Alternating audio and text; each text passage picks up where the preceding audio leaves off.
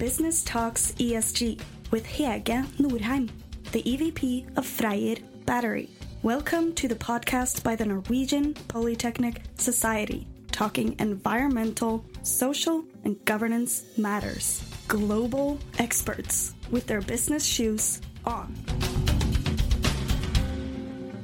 Today, I am talking to Andrew Behar, Chief Executive Officer of As You Sow, talking to me from the US about proxy season and how that relates to sustainable business. Welcome, Andrew.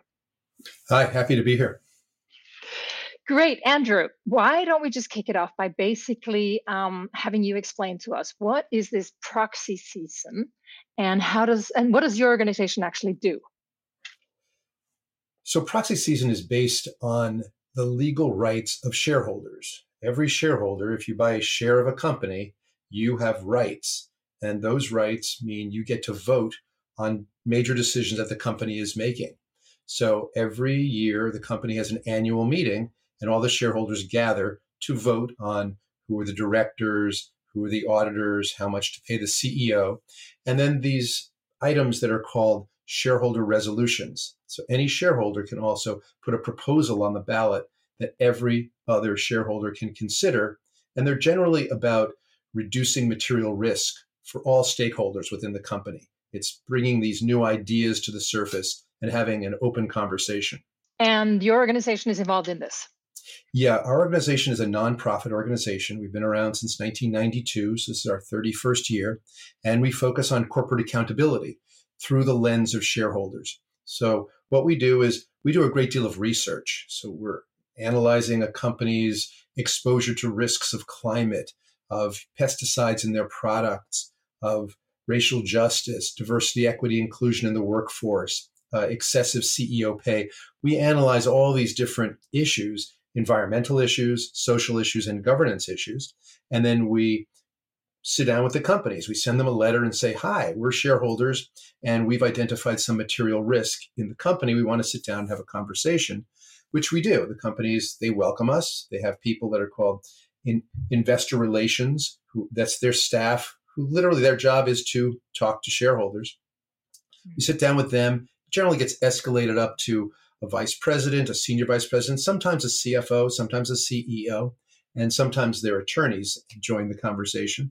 And we show them the data that we have. And we say, look, you know, you scored a seven on racial justice, and your direct competitor scored a 17. Here's the three things they're doing you're not. Here's how you could become competitive. Here's the cost of these things. And here's the risk of doing nothing. And generally, the companies say, wow, thank you. You guys are like McKinsey for free. And they say, we're going to go take action. And so uh, last year, we had 196 engagements. 97 companies said, thank you. 99 said, we're not so sure we're going to do anything. And so we escalated the process by filing a shareholder resolution, which is a 500 word document that is filed exactly six months ahead of the annual meeting. It's a very formal process that's governed by the Securities and Exchange Commission in the United States. And these resolutions, then you literally write this 500 words, you send it to the company, and then another layer of conversation starts again. And once we filed those 99, 56 companies said, you know what? Your ideas are really good. Let's get them done. And we withdrew the resolution and we had an agreement. We had a written agreement with the company. So the rest of them went to a vote. And last year we had 10 majority votes, some of them 96% votes, 91% votes at big companies like Caterpillar, Boeing. Uh, some of them, the majority is down to 50.4% votes at Phillips 66. The average vote was about 41%, and a little over $2 trillion were voted yes on our resolutions. So that leads to another layer of conversation because these are non binding. Even at 96%, the company doesn't have to legally do what you're asking. But if 96% of your shareholders are saying this is important, if the board doesn't do it, then they're not doing proper oversight, which means one could run a no confidence campaign against the board and replace the board. So there's there's layers to this escalation. Very interesting. And I'm I'm keen to understand if you have any insights as to if there's a difference between European and American companies here. But let's get back to that. Could you give us an example of an issue that you you are working on or have been working on, and and and the results, sort of in terms of actual, you know, changes sure. in the company? Well, uh, one of the major differences, just in Europe, I'll just take that question first. Okay. For instance, in in England, you to file a resolution, you need to own either five percent of the company or have 100 shareholders that to, in aggregate own, I forget the exact number, but it's a significant amount of, of money. In, in the United States, you need to have held the shares for three years, just $2,000 worth of shares for three years. If you've held your shares for two years, it's $15,000. If you've held the shares for one year, it's $25,000. So very different. In England, mm-hmm. it's binding. If you get a majority vote, the company legally must do it. So very different uh, structure in in the laws, and different in the Netherlands, different in Australia, different. Every country's got their own. In Japan, it's different. Um, so there's different nuances to the way the laws work. Uh, an example. So, for instance, um, in 2017, we sat down with Kellogg, big agricultural company, makes uh, makes all kinds of cereal and breads and crackers and things and we said, you know, you're spraying, you're you're buying wheat, oats, and beans from farmers who are spraying their crops right before harvest with a known carcinogen called glyphosate, otherwise known as Roundup. It's the World Health Organization has said it's a carcinogen. California State has said it's a carcinogen. It's it's not a healthy thing to be putting on wheat right before you harvest it. And in fact, the United States has 17 times as much glyphosate in our bread and on our pasta than in Europe because Europe has banned it. Because Europe has the precautionary principle, which says that you have to prove something safe before you put it in the food. In the United States, we have a very different attitude, which is you can put anything in the food and you have to prove causation that somebody was harmed. So uh, the food in the United States, the entire food system is completely tainted as opposed to in Europe. The, the precautionary principle just makes sense. So we went to Kellogg and say and said, look, here's the problem that there's all this risk because glyphosate was just had this lawsuits where people who were spritzing it in their backyard to knock down weeds. It's a chemical used for killing weeds. Uh, won a $200 million lawsuit and a $400 million lawsuit because they had non Hodgkin's lymphoma from the glyphosate. We said, it's in every bowl of the cereal that people are eating every day. This is going to be bigger than tobacco. It's going to put our company out of business. The risk is untenable. And we sat down with the board and we explained this to them. We brought in scientists and they said, This is really interesting. It took them two years, but then they committed. We filed a shareholder resolution about it. So now it became public knowledge that Kellogg, and um, by the way, every food company in the United States does this, um, was doing this. And so it took two years, and they said, you know what, we're going to agree to have no glyphosate in our entire supply chain. And now they are working their way through. In 2019, they agreed to that. Um, they're going to, they're basically eliminating this pesticide from there. Any farmer who sells to Kellogg has to have a clean crop. So a major shift. Now, what happened is customers started saying, oh, Kellogg food is safer. So they started to get more market share. Investors mm-hmm. said, oh, we like this. They started moving their money toward Kellogg. All the other companies in the sector went, wait a minute. Why is Kellogg doing so well? They all adopted a non pesticide reduction policies. So by 2021, we published this report that showed that uh, from 2019 it was just Kellogg. By 2019, uh, by 2021, it was half. It was 12 food companies were now doing it, including Pepsi and General Mills, all of them. And we're about to publish that report again in 2023 to see the progress that the whole sector has made. So, wow. That's a way that we got the company to reduce risk. Yeah. Now, not only is this risk to their customers, but the uh, farm adjacent communities were getting sprayed from airplanes spraying this carcinogen all over the fields. So it's reducing risk of litigation on the company as well. So very impressive. Very impressive. Oh, and congratulations. This sounds like a, a very good example, obviously, of great results and ta- and that t- over years of work. I would love to understand more about you know trends and topics and trends in mm-hmm. how these uh, you know the influential process actually is evolving could you just give us a sense of you had said some you said already something about scale how many how many costs how many cases you take on how many how they sort of evolve tell us a little bit about you know how many employees do you have how are you financed and are there other companies or organizations like yours out there so we currently have 41 staff and they're divided between six different programs. So the majority of people are working on climate change. So we're engaging all the oil companies, all the utilities, pipeline companies, petrochemical companies, banks, utilities. So the full range of companies involved in the petrochemical industry. Uh, so that's the climate and energy team. Mm-hmm. We also have a team on environmental health. So they're working on pesticides, they're working on antibiotics in meat, uh, they're working on what are called PFAs. Those are forever chemicals that are, again, United States, it's in everything, lead in food. So, really around the food system and toxins of the food system. We have a group called the Circular Economy Group. And what they work on is really the elimination of single use plastics and really focused on plastics that are flowing into the ocean. This massive number of plastics and plastic particles in the ocean. So they're reducing it on the demand side. Uh, they recently got Unilever to agree to reduce plastics by 100,000 tons a year. Uh, we got Yum Brands, which is a lot of fast food restaurants, Starbucks, McDonald's, and Dunkin' in aggregate agreed to no more styrofoam. So 3 billion styrofoam cups are not being produced this year, which has an impact on the energy group because that's less demand for fossil fuels, for fracked mm. gas, which you make you know, styrofoam is made from. And then on the social side, we have a group working on racial justice, a group working on diversity in the workforce. Um, there's CEO pay, which is really about workers and compensation. In the US, we have some CEOs making a thousand times as much as the median worker. And it's just a real imbalance in society. So working on, on that that issue. And then we also work on slavery and supply chain. Um, so those are the main programmatic groups. Then we have another group that's focused on getting people to understand, to, to align their investing with their values. Most people in the US are invested in mutual funds, which are baskets of stocks. Could be a thousand stocks or 500 stocks in a basket. No one has a clue what they own.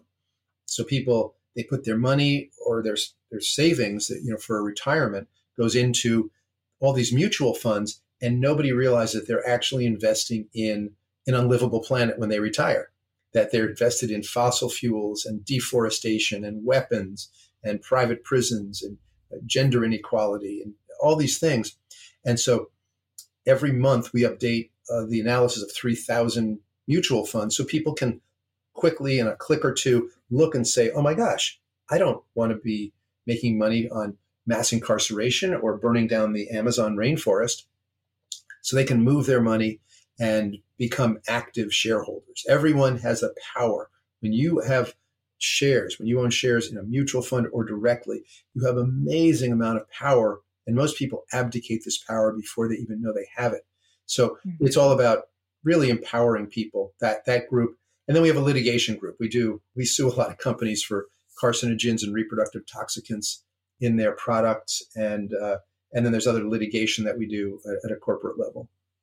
Mm-hmm and and uh, just quickly your financing is by donations and donations and money? foundations we don't take any money from corporations so it's mostly mm. family foundations uh, and mm. individuals so andrew do you see trends on topics um, and obviously obviously you just went through a number of topics that are incredibly important um, but do you see that when you look at the cases that you raise and who goes to litigation or who go you know who goes to voting which kind of cases do you actually settle? Is there a trend here? Some things that are more becoming more difficult, or some things that are coming becoming easier to get through. Well, let me zoom out a little bit. I, we see a mega trend that uh, of really the wind down of the extractive economy and the emergence of what we call a regenerative economy based on justice and sustainability. That the companies who are shifting their focus and, for instance, having more you know, focus on justice sustainability are the ones who are succeeding, who are thriving, who will be thriving, and so more capital is flowing their direction.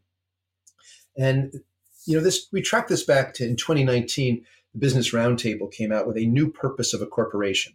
So um, up until that time, it's always been based on the Milton Friedman idea of abuse your employees, have slavery in your supply chain, dump in the commons. It's okay as long as you make as much money as possible. That philosophy doesn't work. Obviously, it's led to you know climate change and ocean plastics and a shredded social fabric.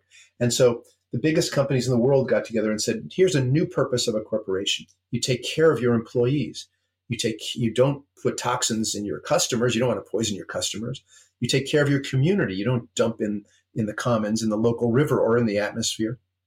Take care of your supply chain, and you will be a more successful company. So it's a slightly longer time horizon. Now, the World Economic Forum endorsed that in 2020, calling it the fourth industrial age. They literally lift, put out a manifesto and said, this is as big a shift as the Industrial Revolution. That's what we're in the middle of right now.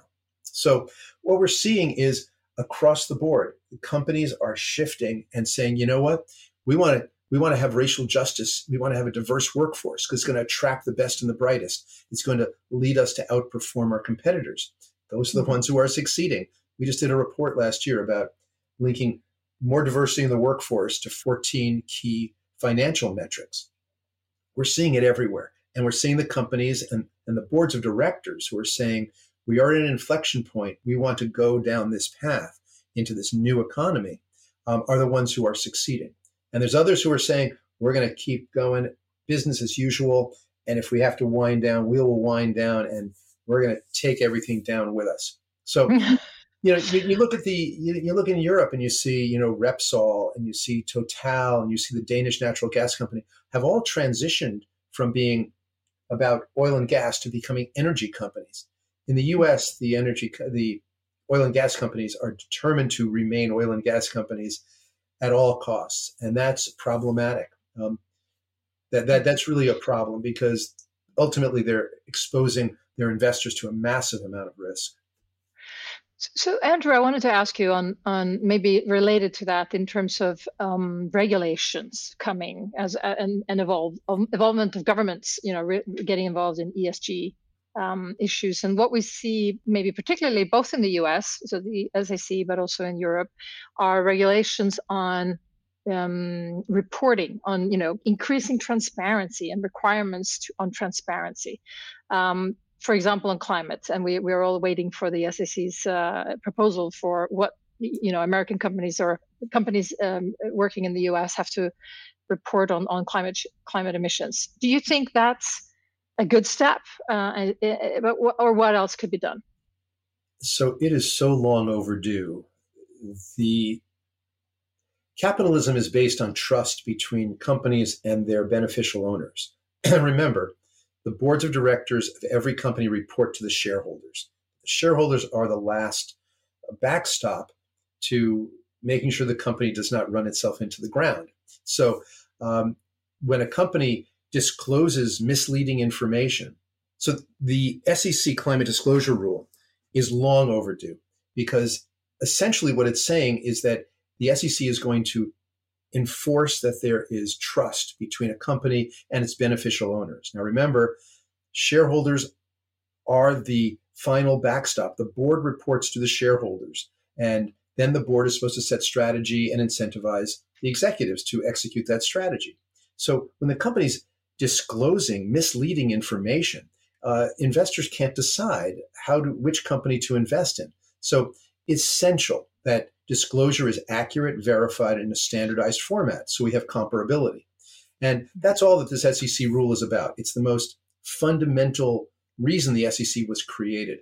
Now, they've been delaying this rule and delaying this rule. And what we're hopeful is that the European rule that are coming, rules that are coming forth that the multinationals are going to have to follow the European rules, which means they're going to have to follow the US rules, and that the actual disclosure accuracy rules are going to go into effect probably before the SEC finally releases it.